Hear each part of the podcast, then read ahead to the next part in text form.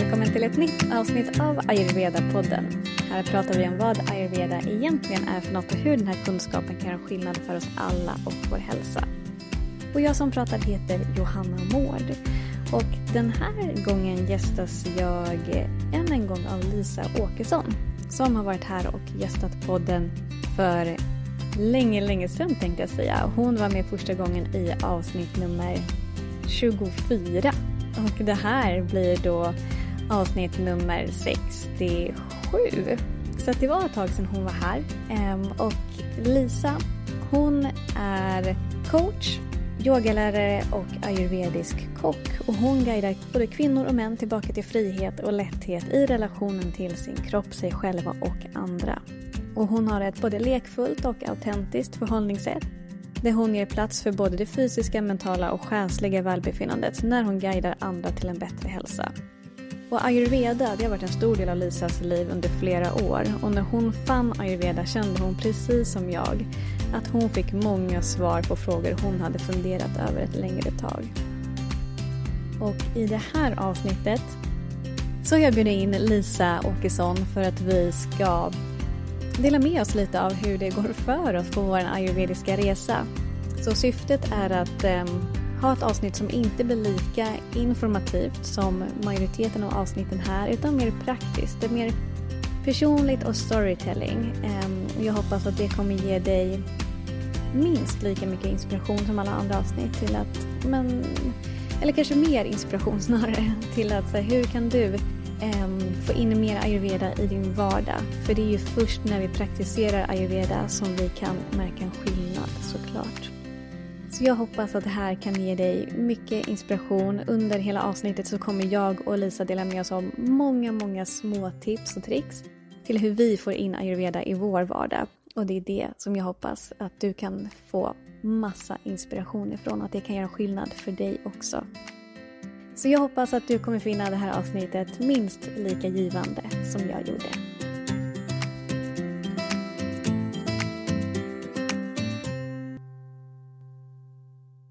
Hej Lisa, varmt välkommen tillbaka till Ayurveda-podden. Hej Joanna, vad fint att vara här. Ja, jättefint att ha dig här, verkligen. verkligen. Och ämnet idag är lite så här, typ, hur går det för oss? på vår ayurvediska resa. För att många av poddens avsnitt är ju mer informativa, vilket jag älskar. Jag tycker det är så kul att dela med mig av den här kunskapen, för det gör sån stor skillnad för mig och för många andra. Eh, men ibland är det ju, eller det är väldigt värdefullt också att sätta det här eh, informativa i lite mer konkreta praktiska sammanhang, för att då kan man förstå det ännu mer. Så eh, du sitter här med mig idag för att vi ska prata lite mer, ja man blir lite mer personliga kanske, och prata lite mer om oss och ja, vad vi gör, hur våra liv är influerade av ayurveda och eh, hur det går för oss. yes. ja. Ja, ja, för det, det är viktigt att få sätta det i sammanhang också. Eh, att, ja, att det inte bara blir teori eller liksom autopilot, utan att man, det får vara dynamiskt, att man får hela tiden ja, fortsätta lära känna kroppen och vi förändras ju och livet händer och vi behöver olika saker olika dagar. Ja, visst. Ja. Verkligen. Mm. Men om jag börjar där på en gång då. Mm. Liksom, hur, hur vet du vad du behöver olika dagar? Liksom, mm. Vad är ditt bästa sätt att få reda på det? Ja, men det är ju det är att börja dagen med att lyssna in. Att skapa plats för det. Uh, nu, jag bor i Stockholm nu. Jag har flyttat hit sedan vi såg sist. Och eh, jag går ner nästan varje morgon till vattnet där jag bor och bara tar lite tid för mig. Lämnar telefonen inomhus. Det, ja, det händer någonting när jag får vara utomhus i naturen och bara lyssna in, lyssna på andetaget, meditera. Det behöver inte vara liksom, tydlig meditation heller, utan bara en promenad, stillhet, tystnad utan andra influenser. Mm. Um, och liksom, jag har nog tränat väldigt mycket på att lyssna in. Så här, hur mår jag? Liksom, är jag varm? Är jag kall? Hur mår magen? Är jag hungrig? Är jag trött? Behöver jag ta det lugnt idag? Behöver jag liksom planera in extra pauser? Um, behöver jag äta lite mer än jag gjorde igår? behöver jag vara lite mer noga med vad jag äter. Magen kanske är känslig. Um, igår till exempel så kom jag tillbaka från Tyskland, från ett retreat. Flyget var försenat och, så jag kom hem väldigt sent och jag kände i morse att så här, jag behöver verkligen äta något varmt till frukost. Mm. Så jag gjorde en gröt, väldigt enkelt. Och jag behövde fänkål. Jag behövde någonting som liksom hjälpte till att så här, mjuka upp magen och så här, starta dagen mjukt och fint. Mm. Eh, också lite krydda, liksom, lite värme, men inte för mycket, utan en bra balans. Så då hade du fänkålsfrön? När du hade fänkålsfrön, eh, lite peppar, eh, kardemumma, kanel. Mina kryddor fortfarande nerpackade, så jag tog liksom vad jag hittade. Men jag kände så tydligt, idag behöver jag fänkål. Mm. Eh, så bara en sån liten grej. Eh, och nu mår jag jättebra. Mm. Mm. Och så här, bara få i sig något varmt, så att inte äta för mycket då, liksom, om jag vaknar och känner att så här, oh, magen är lite, jag är lite trött, jag har inte så mycket kapacitet att äta typ bröd eller yoghurt, det skulle inte funka idag. Just det, för så. din Agni var inte så on fire. Precis. Mm, ja. mm. Och det här som är så fint, alltså, och det här, jag vet inte hur det har varit för dig, men för mig har det verkligen varit en, en resa i att komma så här nära sig själv och bli vaksam för det här subtila. Yeah. Eh, de här små, små subtila ja, obalanserna kanske man skulle säga, att man känner att man inte är riktigt helt hundra. Att känna så okay, men vad behöver jag idag, vad behöver min mage? Eh, och det har verkligen varit men, en resa för mig att, att komma dit. Tidigare, för tio år sedan, var jag inte alls i kontakt med min mage och hade jättemycket magproblem. Mm. Eh, men, men nu när man liksom tidigt kan notera det här så är det som du säger, då gör man små, små justeringar. Man bara väljer att äta någonting varmt till frukost, man känner man behöver fänkål, då tar man det. Och sen är man bra igen. Mm. Det går ju ganska lätt att hamna i balans när man märker på ett tidigt stadium vad man behöver och ger sig själv det man behöver då också. Ja, och sen också, jag tänker ofta är man kanske influerad av andra. Man kanske går och äter frukost med någon annan då, och så tänker man, åh nu är jag på det här kaféet och jag måste äta så mycket som alla andra, eller man äter med familjen eller sådär. Och att där så här, skapa tid för att känna in, vad behöver jag? Och kanske våga välja något annat än vad andra gör.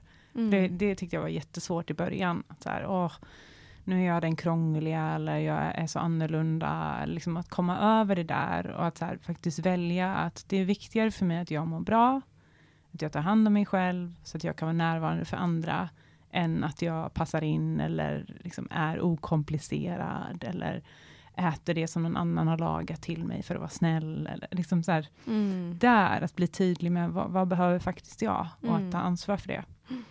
Mm. Det är, det är ett stort steg för många. Ja. Verkligen. Att inte följa, liksom, att inte följa strömmen när det kommer till, till det. Jag kan vara så vissa dagar att jag ja, men, inte alltid är jättehungrig till middag. Och det händer inte ofta, men det, någon gång ibland. Och då är jag så här, nej men då ska inte jag äta så mycket middag. Då gör jag kanske men, en väldigt enkel soppa. Eller något, typ äter lite ris med röda linser, bara lite grann. Liksom. Gör någon typ av rislinsgryta, liksom enkelt. Eh, och då kan min sambo ibland vara, men ska du inte äta, liksom, du måste äta ordentligt. Så jag bara, nej, just nu tror jag inte att jag måste det. För min Agni är inte där. Eh, och för mig känns det som, jag tycker det är riktigt oskönt, ibland känns det som att jag typ har cement i magen. Det är typ den obehagligaste känslan. Liksom. Och om jag känner att jag har cement i magen, då är det då är det ett resultat på att jag har ätit för mycket till lunch, eh, troligtvis. Eller att jag håller på att bli sjuk. Att min, för när vi blir sjuk, håller på att bli sjuka, förkylda, så är ju agnin inte heller lika stark. Eh, eller att jag äter någonting till lunch som inte gick bra att kombinera. Eh, det är ofta liksom något, av, något av de eh, ja, men orsakerna till att jag ibland känner mig så tung i magen. Eh, och då kan jag inte äta liksom en hel vanlig middag, även fast det är det normala inom situationstecken. Så är, vi, vi vinner ju så mycket på att bara lyssna in och anpassa efter liksom oss själva och inte bara följa det som alla andra gör. Ja, och jag tänker att det handlar också om att inte så här, tänka sig till vad man ska göra. För Det är lätt att hamna där och där, där kanske man behöver vara till en början också. Att så här, okej, okay, nu läser jag mig till all den här kunskapen, jag testar, jag ser så här, hur mår jag när jag äter det här, hur mår jag när jag gör det här. Och att så här, ja, det, där börjar man kanske. Men att sen så här, ta det bort från tanken att så här, jag borde göra någonting, till så här, vad känner jag faktiskt, ner i kroppen, ner i hjärtat och så här, ner i magen och verkligen lyssna in därifrån. Mm. Att göra den resan. Och det, ja, det kan vara svårt också om man, ja, men, om man har mycket stress och är liksom mycket i det så planerande, det är logistik och liksom få vardagen gå ihop. Mm. Då kan det vara svårt att liksom skapa tid och känna in. verkligen, det, verkligen. Mm. Och för mig, alltså den resan har tagit flera år för mig. Eh, och nu är det ju en vana. Alltså nu mm. går det ju per automatik. Jag tänker ju på min Agni hela tiden. Alltså det, det, är svårt för mig. Alltså, jag, alltså innan en måltid så checkar jag alltid av med min Agni. Och liksom under dagen också. Hur gör du det? Jag blir nyfiken. För mig så kopplar jag Agni mycket till hunger. Det är liksom det mm. enklaste egentligen. Så här, hunger, hur känns det i magen? Känns det liksom tomt? Känns det som att jag behöver fylla på? Eller är det en känsla av att det liksom är tungt, fullt? Eller att det inte är någonting som brinner där. Just nu känns det eh, min, min eld just nu är väldigt låg för att jag åt ganska mycket frukost. Jag mådde jättebra på det, för det var det jag behövde i morse. Så nu är jag liksom inte alls i närheten av hungrig, men det är heller inte obehagligt för jag åt inte för mycket och har druckit varmt vatten där eh, efter och så också. Så att det är typ det, att jag tänker mycket på min Agni och min, min hunger. Hur, hur relaterar du till din Agni då? Hur ser det ut för dig? Mm, men jag, jag tar nog lite tid att lyssna in. Liksom att jag så här, just att liksom när jag sätter mig ner för att äta eller för att bestämma vad jag ska äta, att jag då tar några andetag, liksom kopplar på parasympatiska nervsystemet, rest and digest, att jag verkligen känner, vilar, slappnar av in i stunden, mm. istället för att vara i fight or flight, där, yeah. go, go, go, fixa, sådär. Att jag inte lagar mat från den platsen, utan att jag, jag liksom är i kontakt med kroppen. Mm. Och sen, ja, det, det är nog andetag. Och ibland, ibland betyder det att jag behöver gå undan. För att jag kan bli väldigt influerad av människor omkring mig och vad som händer. Jag kan ta in det mycket. Så jag så här, går på toaletten och bara stänga, stänga dörren en stund och mm. så här, andas, känna in, så här, kanske ta på kroppen, kanske lägga en hand på hjärtat, en hand på magen. Så, mm. Eh, så där, yogan har hjälpt mig mycket, att liksom komma i kontakt med andningen och kroppen och att lära mig liksom, hur, hur landar jag inombords. Mm. Den är så viktig enligt ayurveda, för att, liksom, ja, men för att smälta maten på, ja, men för att ge dig själv och din kropp en bra chans till att smälta maten så som den behöver smältas. Mm. För det är ju som du sa, rest and digest eller fight and flight. Och när vi är i fight and flight, när vi är liksom uppe i varv, stressade, då kan vi inte smälta maten på samma sätt. Och det, då spelar det inte heller någon roll hur väl lagad, ekologisk, lagad, välbalanserad med alla smaker, bra balans av fett, kolhydrater, protein. Om du är i fight and flight så kommer det inte, den maten kommer inte fungera som medicin för dig i alla fall. Ja, och det, alltså det är ju inte bara liksom i ayurveda. Det finns ju också liksom i studier på att man liksom ser att så här, nervsystemen i magen, mm. liksom, liksom hur det är aktiverat eh, påverkar vår matsmältning. Mm. Så det är jättehäftigt. Att det, verkligen, verkligen. Mm.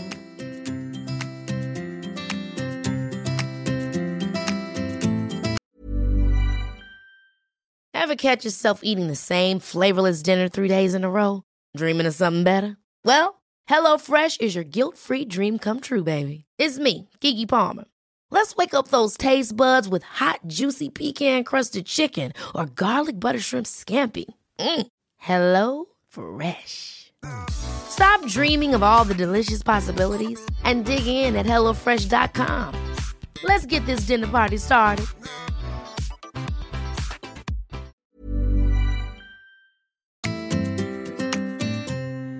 Och då jag tror att om jag, ibland, ibland behöver man kanske, det är absolut inte idealt, men ibland behöver man kanske äta när man inte har jättemycket tid. Har man små barn till exempel, alltså hur många mammor sitter och äter i lugn och ro? Liksom. Mm. Det, det, funkar inte alltid. Nej, nej. Men att då kanske äta lite mindre och att så här, verkligen ta, ta små tuggor, att tugga noggrant.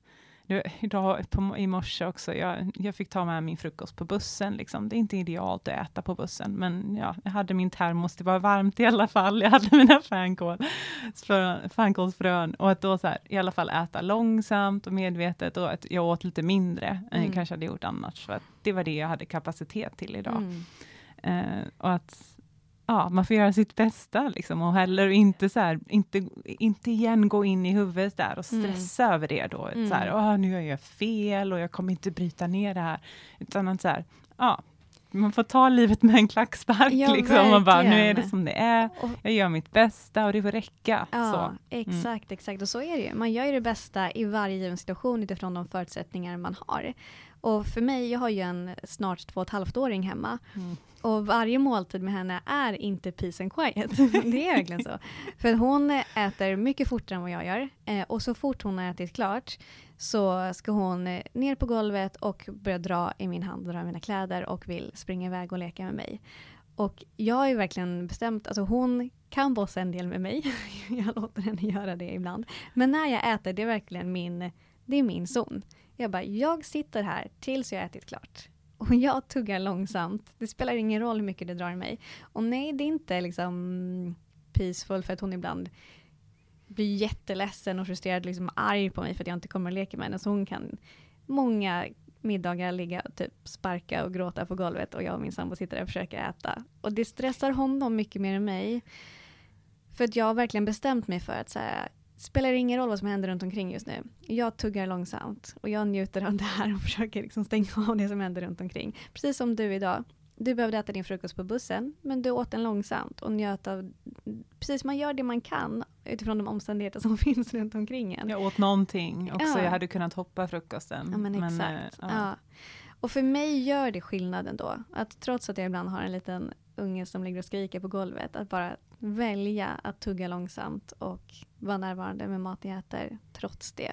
Mm. Jag tycker verkligen att det gör skillnad för min, min maghälsa, min energi, hur jag mår. Ja. Mm. Och sen kan jag också dela, um, bara som exempel häromdagen, jag var hemma till lunch och så var jag inte så hungrig. Och då rullade jag ut min yogamatta och gjorde några sun salutations för att få igång elden. Och det hjälpte verkligen. Så jag gjorde kanske fem, sex, sju solhälsningar. Och så var min eld igång. Och det är så häftigt att det funkar, vilket är, eller häftigt, det är ju superlogiskt egentligen. Man, man liksom sätter igång sig, ökar förbränningen och då kommer hungern igång.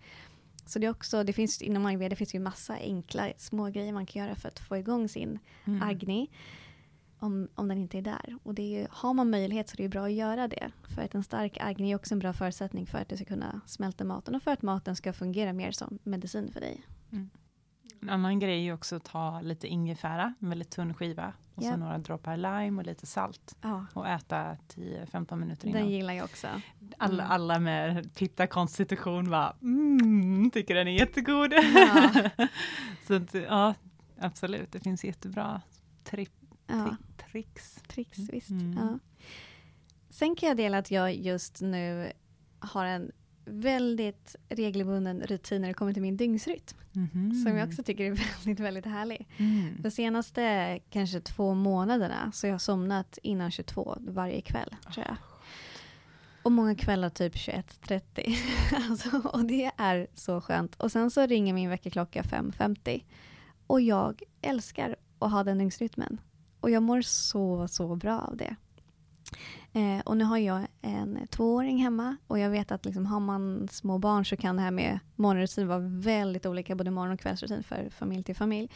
Jag har turen att jag väcker min tjej 6.30. Så att jag har varje morgon en halvtimme för mig själv. Mm. Där jag, och det jag hinner då är, jag går alltid upp, eh, skrapar tungan, borstar tänderna, tvättar ansiktet med kallt vatten.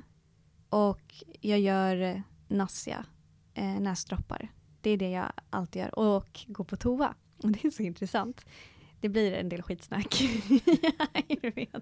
Men det är så intressant att när jag går upp den här tiden och gör de här, skrapar tungan, borstar tänderna och dricker varmt vatten, då sker det verkligen på rutin med tarmtömning. Mm.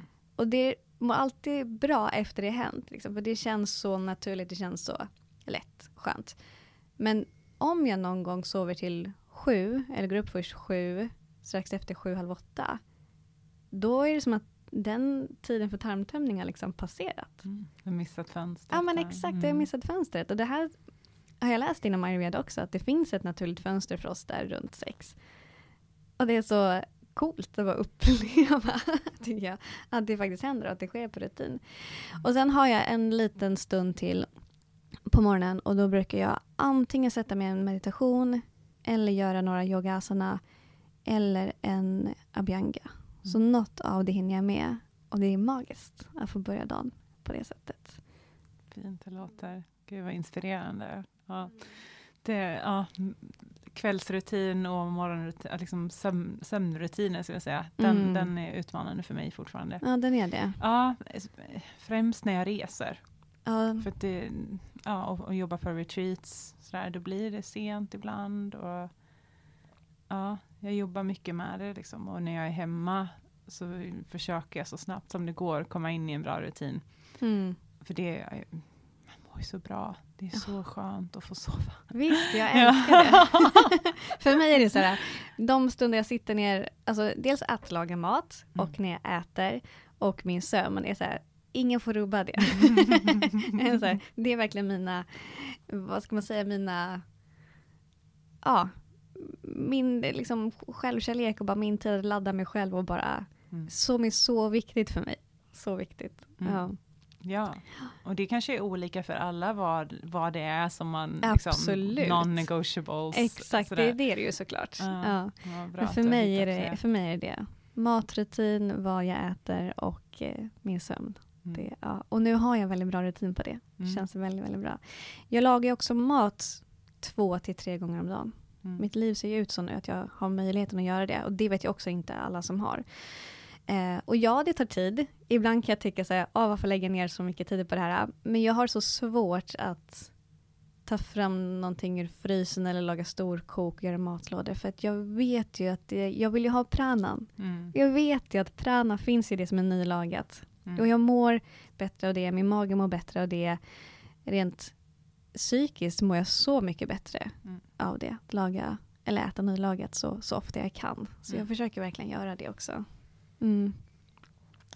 Jag har, jag, inom 24 timmar är nog Mm. min, min regel. Det är, det, Det är min regel också. Det Mm. händer absolut att jag lagar middag och planerar för matlådor så att det finns till lunch dagen efter. Och det är jag, det är jag fine med. Eh, I den bästa av världar så vill jag ha nylagad mat. Frukost, lunch, middag varje dag. Men eh, herregud, jag har annat jag gör i livet också. Ja. ja, men det, jag har funderat mycket på det där, liksom hur, alltså med matlagning och jag, har- en kurs som kommer upp nu i, i höst, liksom med ayurvedisk matlagning. Och, Ja, vad spännande. eh, ja, och någonstans, jag tror, alltså det här, man måste också börja prioritera att laga maten. Mm. Det handlar inte bara om att hitta snabba hacks och liksom bli snabb och duktig och så här, utan det måste ändå finnas en vilja och så- som du säger att så här, jag vet ju att jag mår så bra om jag lagar färsk mat och så här, Mm. att mm, den måste nog ändå landa någonstans tror jag, att, Exakt. här, att det känns viktigt att Mm. faktiskt göra färsk mat. Mm. Och att man märker en skillnad från när man äter rester och fryst mat och uppvärmd mat och sådär och Mm. färsk mat.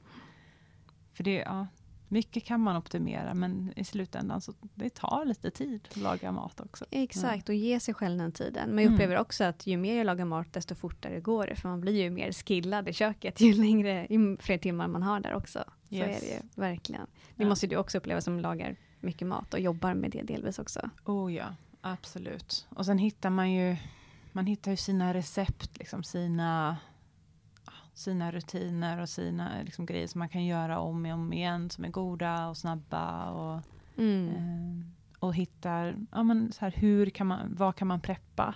Eh, någonting jag gör ibland är att jag preppar grönsaker och skivar det så att det står färdigt när jag ändå har skärbräda ute och ändå har fram, liksom, det går det snabbt att göra enkelt. Mm.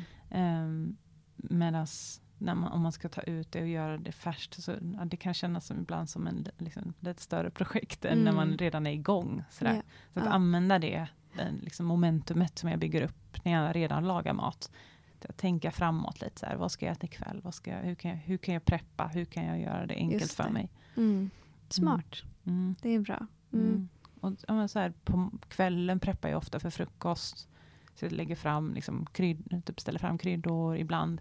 Om jag gör gröt till exempel så lägger jag i allting i grytan redan. Mm. I kryddor och så har jag liksom eh, havregrynen eller vad jag ska göra med Mm. vid sidan. Och så liksom kan man bara sätta på kastrullen, grytan, eh, liksom gi och kryddor i.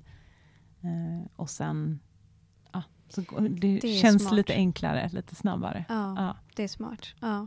En del av min kvällsrutin har också varit senaste månaderna, inte varje kväll, men majoriteten så lägger jag mandlar i blöt Mm. och russin i blöt. Mm. Ehm, och jag har faktiskt också flera gånger tagit fram, jag äter ofta gröt till frukost. Eh, tar ofta fram kastrull och ställer fram havregryn. Jag lägger inte ner det i kastrullen så jag har inte kommit dit än. men ställer fram allting. Och kokar upp vatten och häller upp i min termos. Mm. Ehm, för det tycker jag också, Ja, det är ju smart. Då- den den är liksom perfekt temperatur. Mm. Kokar upp vatten, häller direkt över till termosen, för då svalnar det lite under natten. Men det är fortfarande så här mellan 50-60 grader tror jag, när jag dricker på morgonen. Och det för mig tycker jag är en magisk temperatur. Perfekt. Och där återigen, det är olika för alla vilken, hur varmt man gillar det. Men eh, också för att, men som du sa, hitta de här små grejerna som underlättar att, att eh, få till sina rutiner. Ja, för den kan ju vara ibland, om, man, om man kokar vatten först och så häller man upp i en kopp. Där kan jag ibland, ja, och så typ sitter jag och skriver eller gör yoga och innan jag liksom kommer ihåg att dricka så är det kallt och Ja. så behöver man värma till i nytt vatten. Och så, Ja. ja. den, så att termosen är ju perfekt Termos där. är superbra. Nu har jag inte med mig den just här vi sitter nu, för vi har tillgång till varmt vatten här. Men annars har jag ofta med mig min termos under dagen. Eh, som är som en bra temperatur. Så att jag vet att jag, när som helst jag känner att jag vill ha varmt vatten så finns det bra temperatur på det. Det är väldigt bra Ja, tips jättebra. att ha med sig. Ja, jag hade min gröt i en liten mattermos också. Ja. Så bra, med en Ja. liten sked på, som jag enkelt kan, den reser jag med alltid. Mm. Liksom. Det är så Mm. bra. Superbra. Soppa eller gröt eller Mm. kitchari. Ja, En perfekt portion passar Ja. i. Liksom. Mm. superbra. Mm. Det är faktiskt någonting som jag tänkte jag ska köpa som jag inte har än. Mattermos. Mm. För då slipper man ju också mikra maten eller värma jag gör mat. För det, det. Jag har nej. inte använt en mikro på, jag vet inte hur länge. Nej, exakt. Vi har, en, vi har ju en mikro i vår lägenhet, men jag har aldrig använt den. Nej. Det känns, det känns inte bra. Så att det, och var, har vi mat, eh, rester hemma, matlådor, så värmer jag alltid det i ugn eller kastrull eller spis. Ja. För det går ju också typ lika fort. Alltså, typ. Ja. Ja. Det känns så mycket bättre. Ja. Ja. Verkligen. ja, det blir lite mer disk liksom, för man behöver diska ur en kastrull. Men jag Mm. menar, det, Värt alltså, man, det handlar om sekunder. Och det är där också att så här, komma över den och bara, ja, Mm. det, det kan kännas som tammas för mig ibland. Liksom de här, den här liksom motståndet till att göra saker direkt, att prokrastinera, här, att komma över det och bara jag gör det här för framtida Lisa som kommer ha liksom, må bra mat och Ja. som inte kommer ha disk stående. Ja. Och som, att så här, ah, bara liksom ta Mm. sig över den Mm. och få gjort det. Mm. Det är Ja. bra. Ja. Det tror jag också är en vanesak. Mm. Alltså för mig, jag överväger inte ens att använda mikron idag. Utan det är också för, alltså det är många år sedan jag har gjort det. Och det, ja, det har blivit en vana att bara alltid ta fram kastrullen när jag ska värma någonting. Mm. Så lätt, Mm. så enkelt. Ja.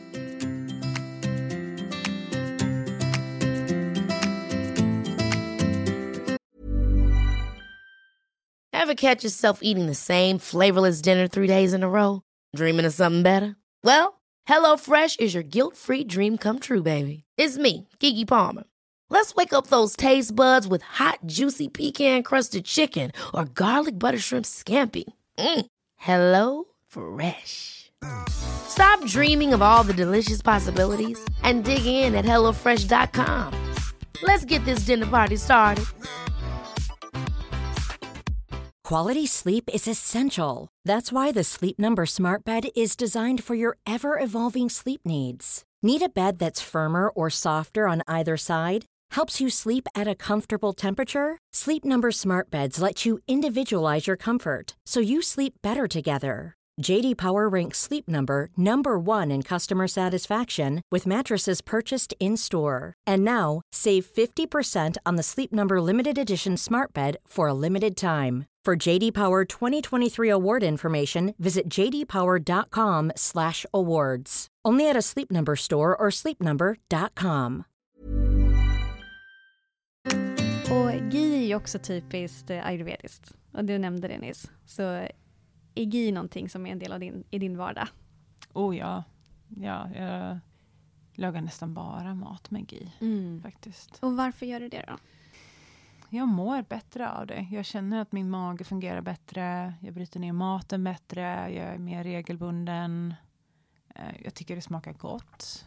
Um, ja, sen jag äter väldigt, väldigt lite kött och fisk och sådär. Jag är nästan vegan. Uh, och GI är liksom det, det som jag äter som regelbundet, det jag får i mig men, vitamin B12 och liksom, ja, så det känns som att så här, det, det är någonting jag behöver. Mm. Det känner jag ganska intuitivt, så att mm. det mår jag bra av. Mm. Så.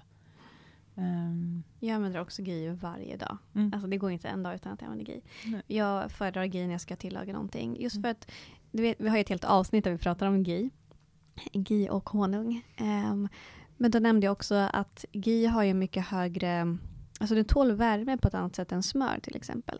Smör bränns ju mycket lättare, vilket GI inte gör. Yeah. Så det är också... En högre kokpunkt. Exakt, så det mm. känns hälsosammare bara av den anledningen att använda GI. För jag får inte bränt fett i mig, vilket inte känns lika hälsosamt. Eh, men sen finns det ju tusen andra anledningar till att använda GI också. Och jag gillar också smaken, jag gillar...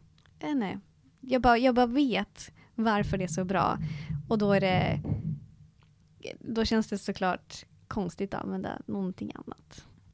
Om man har gjort en panchakarma också, så ser man ju verkligen på hyn vad som händer när man gör den här GI-behandlingen. Eh, för er som inte vet så är ja, panchakarma är en sån här ayurveda-kur. Och då när man ska göra en virechana, som är en utrensning av pitta från kroppen, så dricker man eller äter ganska stora mängder GI under fyra fem dagar. Och efter det har gått fem dagar så kan man verkligen se hur huden, så här, man har ett sånt gi-glow riktigt. Mm. Liksom. Så det är ja. jättehäftigt att så här, det påverkar verkligen kroppen inifrån och ut och ja. huden.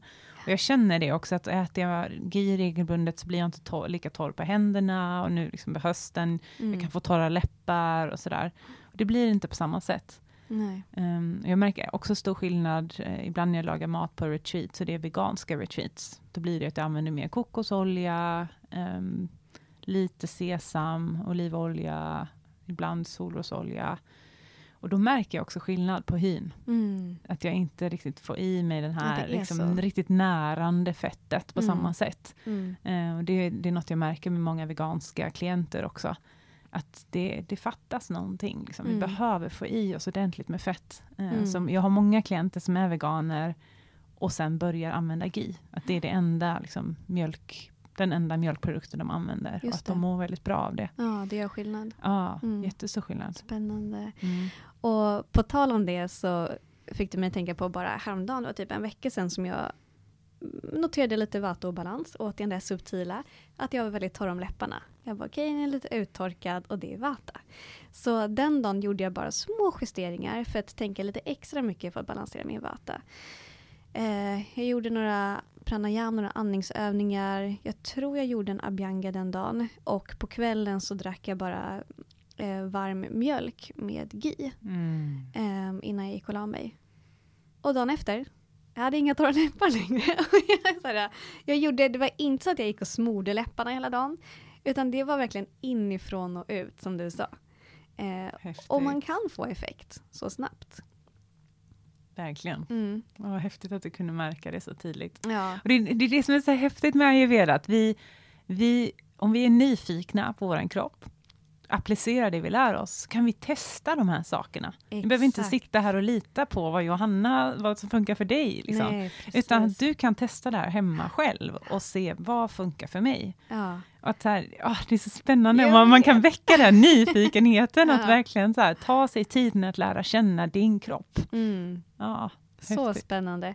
Och också att det är helt alltså, harmlöst. Vi mm. håller liksom inte på med några kemikalier eller mediciner eller grejer som ger biverkningar. Utan så här, prova att dricka lite varm mjölk med GI. Funkar inte så funkar det inte, men då gjorde det ingenting. Liksom. Ja.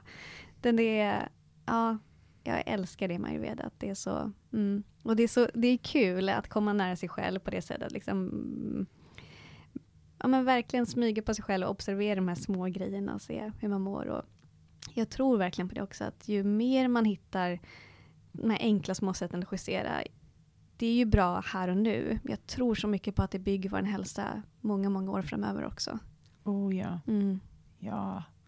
Gud, alltså det, vi har en hel livstid på oss att studera våran kropp liksom, Mm. och vara nyfikna på den. Mm. Och, ja, och jag tänker, alltså inte bara saker som vi gör för att må bra, utan också saker där vi kanske inte riktigt vet ännu. Så här, ska jag äta en bit tårta på ett kalas? Eh, Så här, så här, att hela tiden, allting vi gör, applicerar, testar, att det får vara på ett nyfiket och liksom ett, men utan att vi dömer oss själva eller är hårda mot oss själva i det, utan att det får vara flytande och utforskande.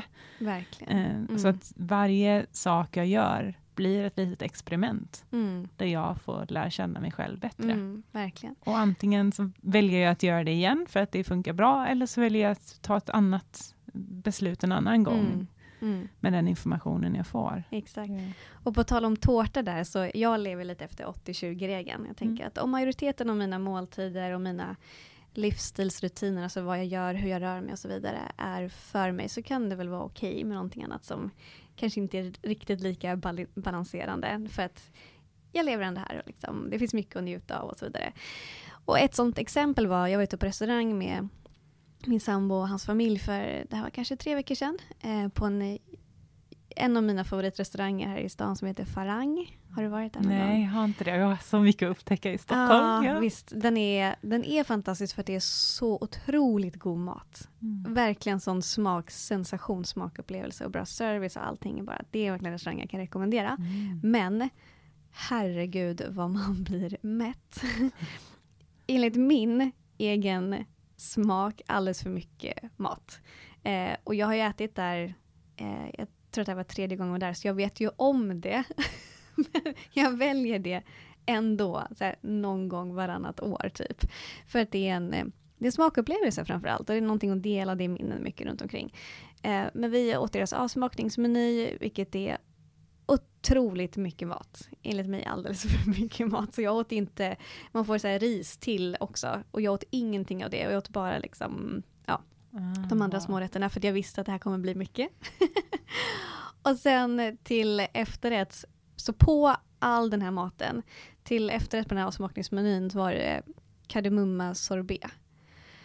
Och då så sa jag till servitören, jag bara ursäkta kan jag få en annan efterrätt? För det funkar, alltså det kommer, alltså jag vet att äta iskall efterrätt efter så mycket mat, alltså dels så är Agni redan overloaded. Det är som att du har den här ehm, den här eh, bonfire, jag glömmer alltid bort vad det heter på svenska. Eh, eld? Ja. ehm, Lä- lägerelden, lägerelden, ja. ja. Om du har den, den brinner bra och sen så lägger du på sjukt mycket mer vedträn, då kommer du släcka elden. Och det är det som händer när vi äter för mycket. Eh, och om du dessutom sen äter glass på det, det är som att lägga en iskall blöt filt över den här brasan och då kommer ju din eld att dö. Vilket betyder att maten kommer inte bearbetas alls bra. Eh, vilket gör att maten kommer snarare ta energi än att ge dig energi. Mycket större risk att det blir till ama, eh, som är mat som inte är tillräckligt förbränd, som puttas ut i dina tarmar och det stökar till det överallt åt dig. Så jag bad faktiskt att få en annan dessert eh, som inte var kall och det gick bra. Alla andra åt glass. Jag bara, you do you. Och jag gör jag. Vad fick du för något då? Eh, jag tog en, inte för att det kanske var, alltså jag tog en, jag fick en, någon typ av crème brûlée. Eh, vilket är så gott. Njöt så mycket av det. Ehm, ja, hela måltiden, alltså alla rätter i sig. Jag vet, det var inte en mat som medicinmåltid för mig. Men jag njöt verkligen av crème brûlée och det kändes lite bättre än sorbet i alla fall. Det är Ja. spännande, på tal om dessert. Sådär. Eh, Det kom upp nu, vi pratade om det på retreatet nu i veckan med. Eh, Jag höll en klass i ayurveda om matsmältning och sådär. Eh, Och egentligen är det bättre att äta den söta smaken lite tidigare i måltiden. Alltså kanske inte, Ja. det behöver inte vara det allra, allra första man äter. Men att man äter det liksom ti- tidigare i måltiden när matsmältningen fortfarande är stark. Och det är också den första smaken som förbränns i kroppen. Jag vet inte om det här stämmer, men min lärare berättade för mig att anledningen till att vi har dessert, alltså hela idén med att man äter någonting sött mot slutet av måltiden, kom från hovet. Och tanken var att när man började bli trött, ville att gästerna skulle gå hem från de stora festerna, så kom man ut med en stor, tung dessert som alla åt och blev trötta och så gick de hem. så, alltså, det, man tänker, det, det, låter ändå rimligt ja. att det, är så här, ja, det används liksom för att släcka elden, för att släcka kroppen ja. så att vi behöver gå hem och sova. Man blir ju ofta trött också om man Visst. äter en stor måltid. Ja. Och speciellt om man äter liksom någonting med mycket grädde eller som är kallt, liksom, tungt och sött och ja, sådär. Ja. Herregud, jag, alltså man mår ju inte bra. Men det kan vara okej okay, någon gång ibland. Ja. Och, och man väljer att njuta av det under tiden. Sådär. Men vad, vilken rolig story. Ja. Det, alltså, jag kan se logiken i det, absolut. Roligt. Ja. Mm. Precis, för enligt ayurveda ska man äta mer av att börja med det söta och avsluta med kärvt och bittert. Visst Precis. så? Mm. så för kärvt och bittert har jag också hört, det är som att lite såhär, um, oh, hur ska jag beskriva det? Men det är, det är lite som att ja, men det är sammandragande smak också. Exakt. Så jag tänker att det liksom drar ihop magsäcken lite kanske. Ja, liksom, och lite, lite smaklökarna. Det är som Ja. En, ett avslut. Ja, ett avslut. Jätte, jättekonstiga formuleringar här. Men som någon typ av eh, men naturligt liksom fint avslut. Som att ja, men sätta på locket, sluta stänga säcken, I don't know. Pricken över it. Ja, ja något sånt. Egentligen jag dricker inte alkohol längre, men, men principen av att dricka en liten snaps eller någonting bitter, liksom bitter, bittra örter eller en avec på maten, det är ju lite samma princip egentligen, att det är så här, li, lite eld, lite hetta, det här bittra sammandragande som liksom hjälper kroppen att så här, en sista liten ja. kick för att bryta ner maten. Mm. När jag gick min första utbildning inom ayurveda i Sverige så pratade min lärare om det här och hon sa därför kan det ibland vara en bra idé att typ ta en espresso på maten. Ja, För det har mm. lite samma effekt. Mm. Espresso är ju bittert, bäst, bittert, ja. eh, sammandragande. Eh, allt det där som du sa nu. Varmt. Mörk choklad har ju lite Mörk samma också. princip mm, också. Mm. Exakt. Ja. Eller ayurvediska örter, en eller liten örtshot. Ja. Har du någon favoritört eller örter du tänker på där? Um, triffala. Mm. Jättebra. Mm. Ehm, det finns ett eh, fantastiskt märke i Sverige som heter Satva Herbs, eh, som jag jobbade för ett tag. Eh, Sara som har det är helt fantastiskt, hon är så duktig på örter. Jag tror hon gör mest eh, liksom, ehm, personliga blandningar nu. Men hon hade en som hette Let Go Mild and Daily. Eh, som har triffala i sig.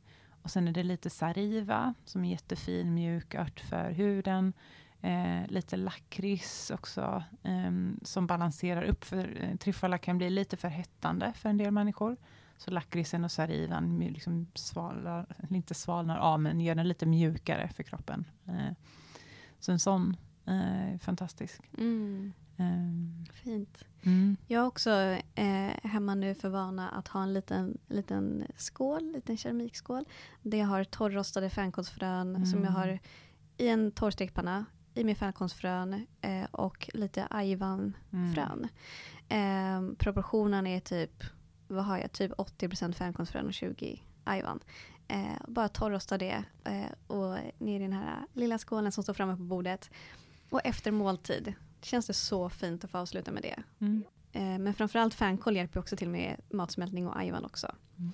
Så dels hjälper matsmältningen men också bidrar till fräschare andedräkt. Mm. Det tar ju liksom bort mycket av de smaker som finns i munnen och ja, det finns massa fördelar med det. Mm. Men det är också en liten ayurvedisk grej som har plats i min vardag. Mm. mm. CCF är ju också fantastiskt. Mm. Det har vi säkert pratat om en del.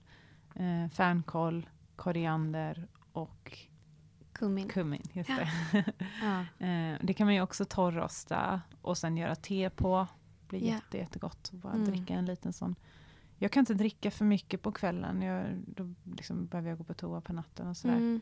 Men bara sådär 50 milliliter eller någon deciliter. Sådär. Mm. Det är också bra. Skön ja. magkänsla får man av det. Ja, mm. verkligen.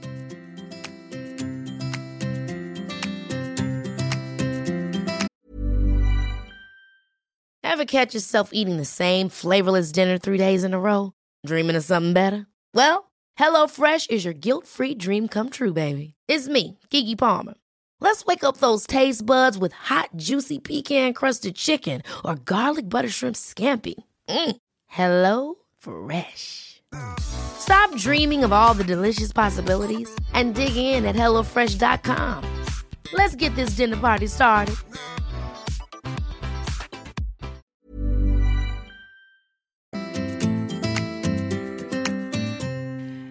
Någonting annat som kan vara bra att tänka på just den här tiden på året är ju att vi är i årstidsskifte. Så vi skiftar från sommar in till höst. Och det börjar bli kallt ute och det kan vara svårt att veta hur man ska klä på sig. Det är jättekallt på morgonen och sen är det varmt vid lunch. Och så, ja. Ehm, gör du något speciellt för att ta hand om dig själv och för att inte bli sjuk just den här tiden på året när kroppen är lite känsligare?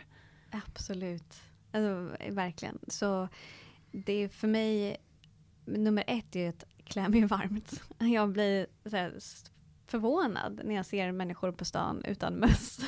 det är så här kallt och blåsigt. Men majoriteten har ju inte mössa. Jag är ju snarare udda som har det, i typ. Men det för mig är det, jag skulle inte kunna tänka mig att gå ut utan mössa nu. Och det gjorde jag också för flera år sedan. Eh, men nu när jag vet värdet av att ha koll på din vatadosha när det är så här kallt, så kan jag inte tänka mig att gå ut utan mössa. Så jag har mössa, halsduk och varm jacka. Eh, så jag klär mig varmt.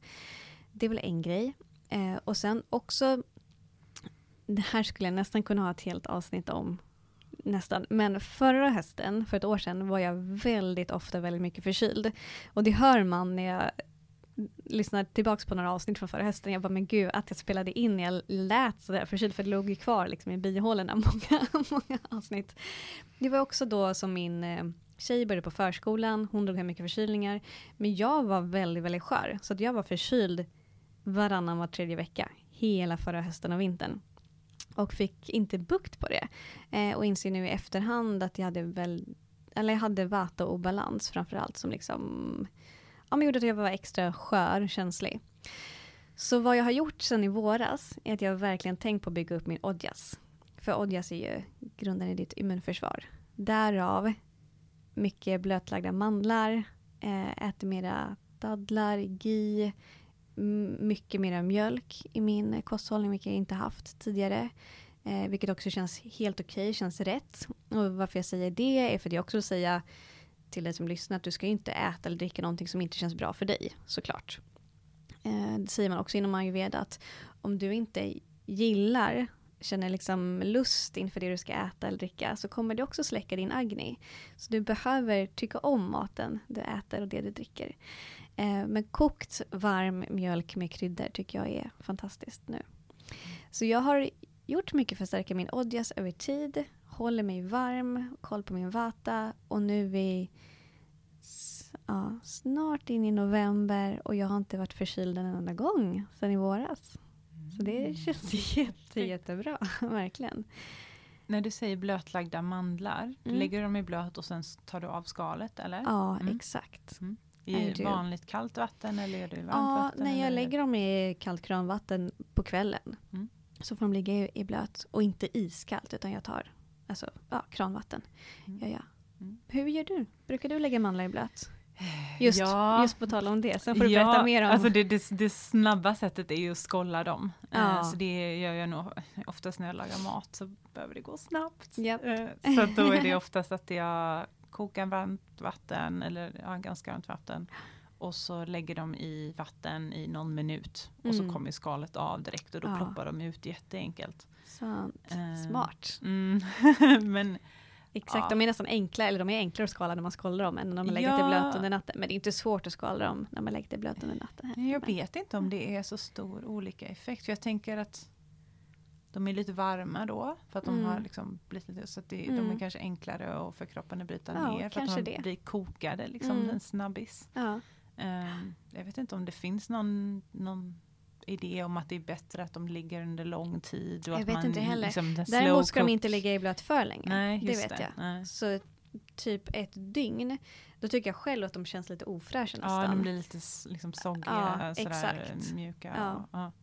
Mm. Just det. Ja men så Mm. att jag tänker absolut mycket på att det är årstidsskiftning nu. Eh, och tänker mycket på hur jag kan hålla mig i balans. Mm. Eh, det gör jag. Gör, gör Mm. du det då? Eller hur ser det ut för dig? Eh, ja, men också, eh, vad du sa, jag använder inte mössa faktiskt, men jag har alltid en jacka med luva Mm. som jag kan liksom snabbt fälla upp om det är blåsigt och sådär. Och nacken är jättekänslig. Ofta liksom tröja som går upp i nacken, Mm. um, sjal, varm tröja, liksom, Mm. varm, varm jacka.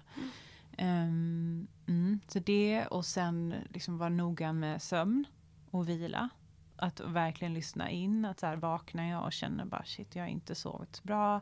Att då vara extra snäll mot mig själv, se till att jag kommer hem i tid på kvällen och att liksom komma i säng lite tidigare än vanligt då så att jag verkligen får 8-9 timmar i sängen. Mm. Jag, jag behöver nio timmar i sängen. Sen så Mm. vak- jag trackar liksom sömnen. Så jag- man vaknar ju under natten också. Bara för att du ligger och sover nio timmar betyder det ju inte att du är i djupsömn eller REM-sömn Mm. nio timmar. Mm. Så där att man liksom extra noga med vila. Ehm, och sen Ja, var, och var noga med maten, att, att här, vatan höjs. Där kan jag ibland ha en tendens att kanske hoppa måltider eller att glömma bort att äta. Så där, att vara noga med det. Att så här, även om jag inte äter så mycket, alltid att äta regelbundet. Att få i mig någonting så att matsmältningen liksom hålls igång. Så att man lägger på ett vedträd på, på elden liksom, Exakt. regelbundna tider. Så Mm. att den, den hålls stark. Mm. Ja. Ehm, Precis, för om det går för lång tid mellan Mm. måltiderna så kan ju elden dö för att det inte finns någonting att, att förbränna helt enkelt. precis. Mm. Men du vet säkert de som har fastat. Efter två, tre dagar är man inte hungrig alls längre. Mm. Och det är liksom elden släcks. Den, Mm. den pausas. Kroppen går in på sparläge och sparlåga. Mm. Verkligen. Eh, så att, ja, att hålla igång den. Eh, Mm. och sen också att om jag märker att jag börjar få ont i halsen. Det kan vara så ett första tecken för mig att så här, okej, då avbokar jag, då pausar jag. Och att inte då fortsätta pusha på och tänka, nej men jag, och jag måste gå på det här mötet, jag kan inte missa det. Vissa grejer kanske man behöver prioritera, men att verkligen vara noga med att sortera bort det som inte är viktigt just nu. Mm. Kanske lägga grejer online om jag kan, så att jag inte behöver gå hemifrån. Och, Mm. så att verkligen halsont, paus. Mm. Att den, den är jätteviktig för mig.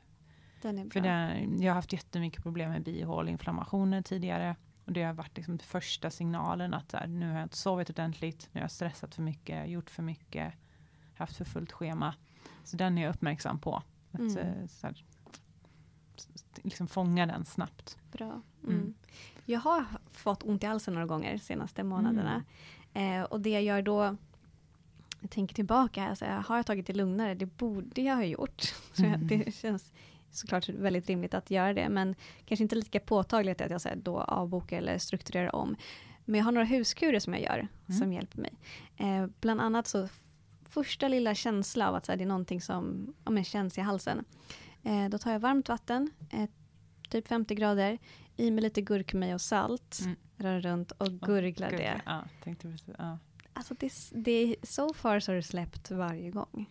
Och det är också en ayurvedisk huskur. Och när jag minns när jag var i Indien och fick göra det här första gången under en panchakarma så gav de mig saltvatten som jag skulle gurgla. Och jag tog en eh, liten klunk av det här som såklart inte sväljer för att man ska gurgla. Och gurgla lite försiktigt, spotta ut. De bara, eh, nej, nej, nej, nej. Så de ska liksom visa mig hur man gurglar ordentligt. Så då var det en av de här eh, terapeuterna som vi tog en klunk vatten och verkligen gurglade så här ordentligt långt bak i halsen och när den spottade ut nästan som att man typ kräks. För att, för att det, det är skillnad och jag faktiskt upplever det själv. Att sådär fingurgla och finspotta ut, då har du det mer i munnen. Skillnaden är att få bak det så långt bak i halsen du kan. Och få, om man gurglar saltvatten och gurkmeja långt bak i halsen, då blir det Alltså, jag hoppas att du inte är jättekänslig som lyssnar, men nästan som reflex av att kräkas. Och det är när du liksom spottar ut det från långt bak i halsen. Mm. Jag hoppas att man kanske förstår skillnaden, men annars pro prova och upplev skillnaden. Att eh, fingurgla, spotta ut från munnen, än att gurgla långt bak i halsen och nästan kräks, spotta ut det. Då får du ut den där eh, skiten, verkligen. Och det är det jag upplever att då, då försvinner halsont. Inte på en gång, men sen tar det lugnt och framförallt verkligen på med halsduk om jag går ut och kollar på min vata och dagen efter så är det borta. Det påminner mig om coronatesten. Jag vet inte om de hade dem här i Sverige, men i Tyskland så hade de en del ställen fick man lite så här koksalt, vatten, saltlösning. Ja. Ja. Så skulle man gar, liksom gargla det jag tror det var 20 sekunder och de stod och tajmade. Oj, det är länge. Så du fick liksom Oj. gurgla, gurgla, gurgla och sen typ Alltså ibland behövde jag pausa bara för att Ja. andas genom näsan några Ja, sekunder och då, ja. då pausade de liksom det här Men- stoppuret Oj, och så så- igen liksom. Så det var strikt tyskt coronatest. Wow. Och så ja. gurgla 20 sekunder och sen spotta tillbaka det här röret och sen så Ja. skickar man in det liksom. Ja. Eh, Istället så behövde man inte ta liksom de här topsen upp i Just näsan. och det, det. Men då var det Eh, viktigt att gurgla Ja länge precis, och långt då, då bak i kommer halsen. man ju liksom riktigt bak i halsen Ja, och liksom kommer i kontakt med bakterierna där. så det är Exakt, samma exakt. princip. Ja, Så 20 minuters halsgurgling för att bli av med halsontet. Då. ja, ja. Mm. 20 minuter? Nej, eller 20 eh, inte sekunder. se- Ja, det är 20, sek- 20, ja. Nej, nej, nej. Oj, oj. Men 20 sekunder, länge också. Det är också länge. Ja, precis. Och när du gör det så ehm, också inte bara ta en klunk och gurgla saltvatten och gurkmeja och spotta ut, utan ta ett halvt glas och så kör du halva glaset så att det blir liksom flera omgångar. Just För att det. verkligen rensa ut. Och sen också dricka varmt vatten med färsk ingefära är Mm. också bra om man Just känner det. att man börjar bli förkyld. Mm. För att återigen, en förkylning inleds ofta med att din agni blir lite försvagad. Så då kan det vara bra att tända din agni för det kan hjälpa att bildligt talat bränna bort förkylningen också. Så ha koll på din agni är också bra. Just det. Mm. Ja, ingefära hjälper ju till att hålla den stark. Mm, precis. Kokar du ingefäran eller lägger du bara i varmt vatten? Eh, lite olika beroende Mm. på hur mycket tid jag har. Antingen kokar jag upp vatten och bara tar några skivor ingefära i min termos och lägger ner. Mm. Eller så gör jag skiva ingefära, lägger i en kastrull och kör ja, lite längre kok. Mm. Ja. Mm. Lite både och. Mm. Ja, lite beroende på. Yes. ja.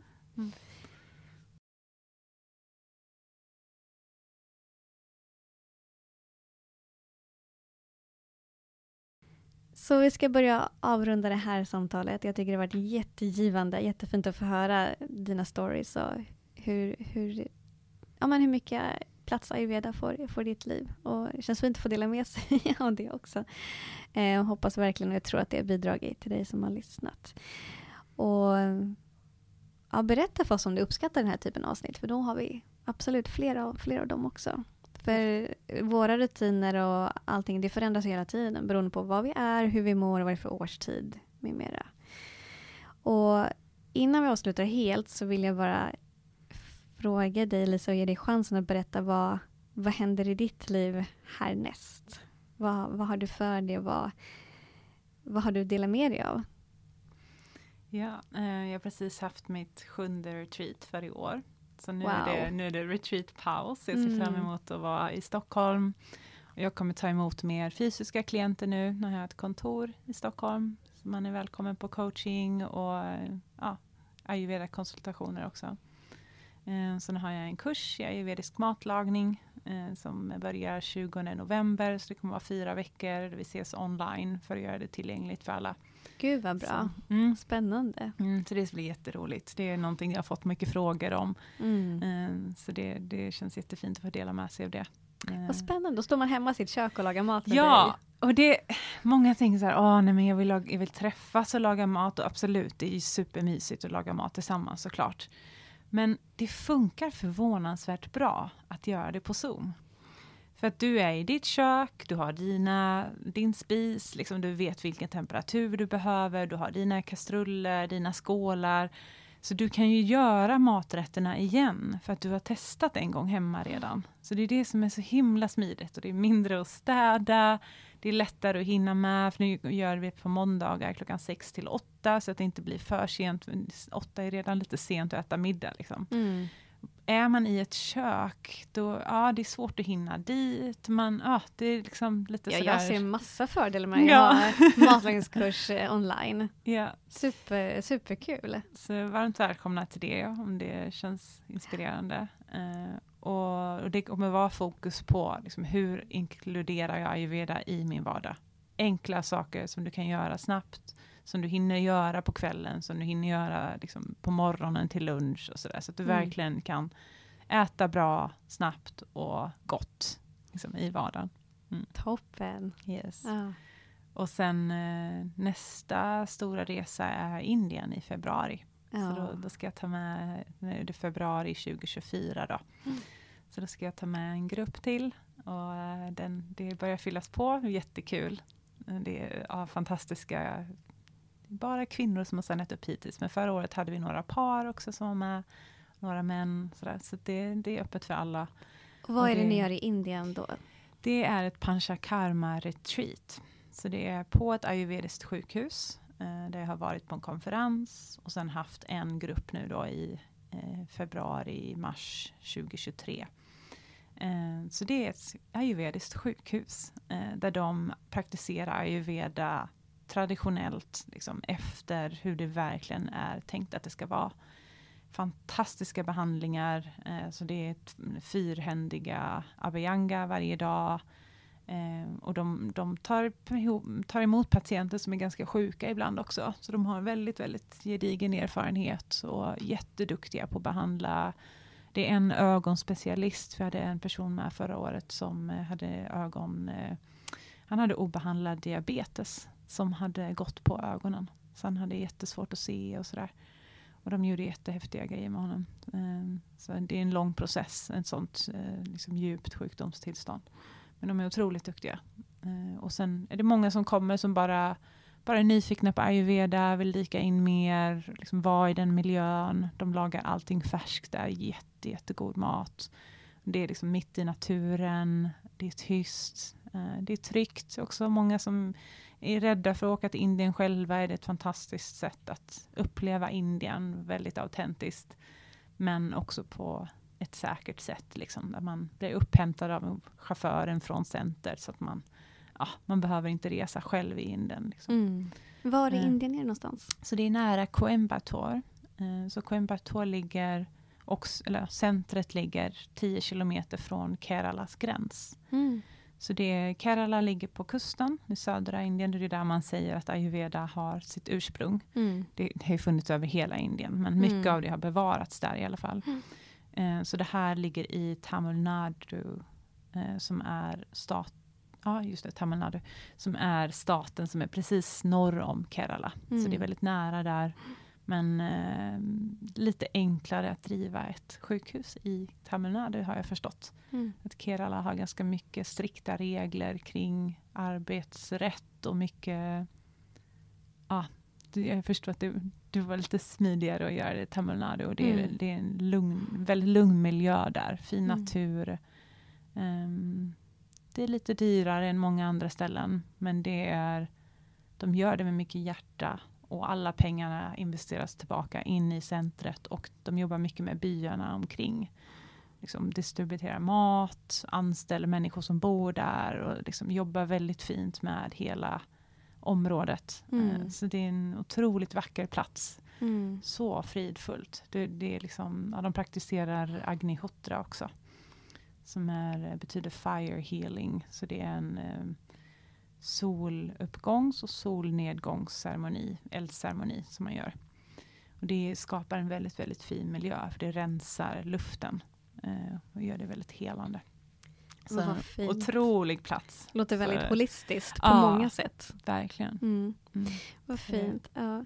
Och om man är intresserad av någon av dina kurser eller coachning eller ayurvedisk konsultation eller Panchakarma Indien, var kontaktar man dig då? Enklast är nog att hitta mig på Instagram. Eh, are you Vedic? Så är du vedisk Mm. på engelska. Mm. Eh, och sen ja, så har jag, jag har en hemsida som heter ayurvedic.se eh, där du hittar allting kring ayurveda. Och sen har jag nu också lisaakesson.se där jag har bara coachingen för att göra det lite tydligare. Just det. Och jag lägger Mm. länkarna till det här i avsnittsbeskrivningen också så har vi det där. får du gärna göra. Mm. Tack. Toppen, gud vad mycket spännande du har framför dig. Ja. Vad fint. Jättefint att få sitta här med dig och Detsamma. prata om ayurveda igen. Verkligen, jag Mm. känner mig så inspirerad och Ja, ja, så mycket häftiga tankar och tips jag tar med mig. Så Mm. tack för det. att du delar med dig och gör det här. Mm.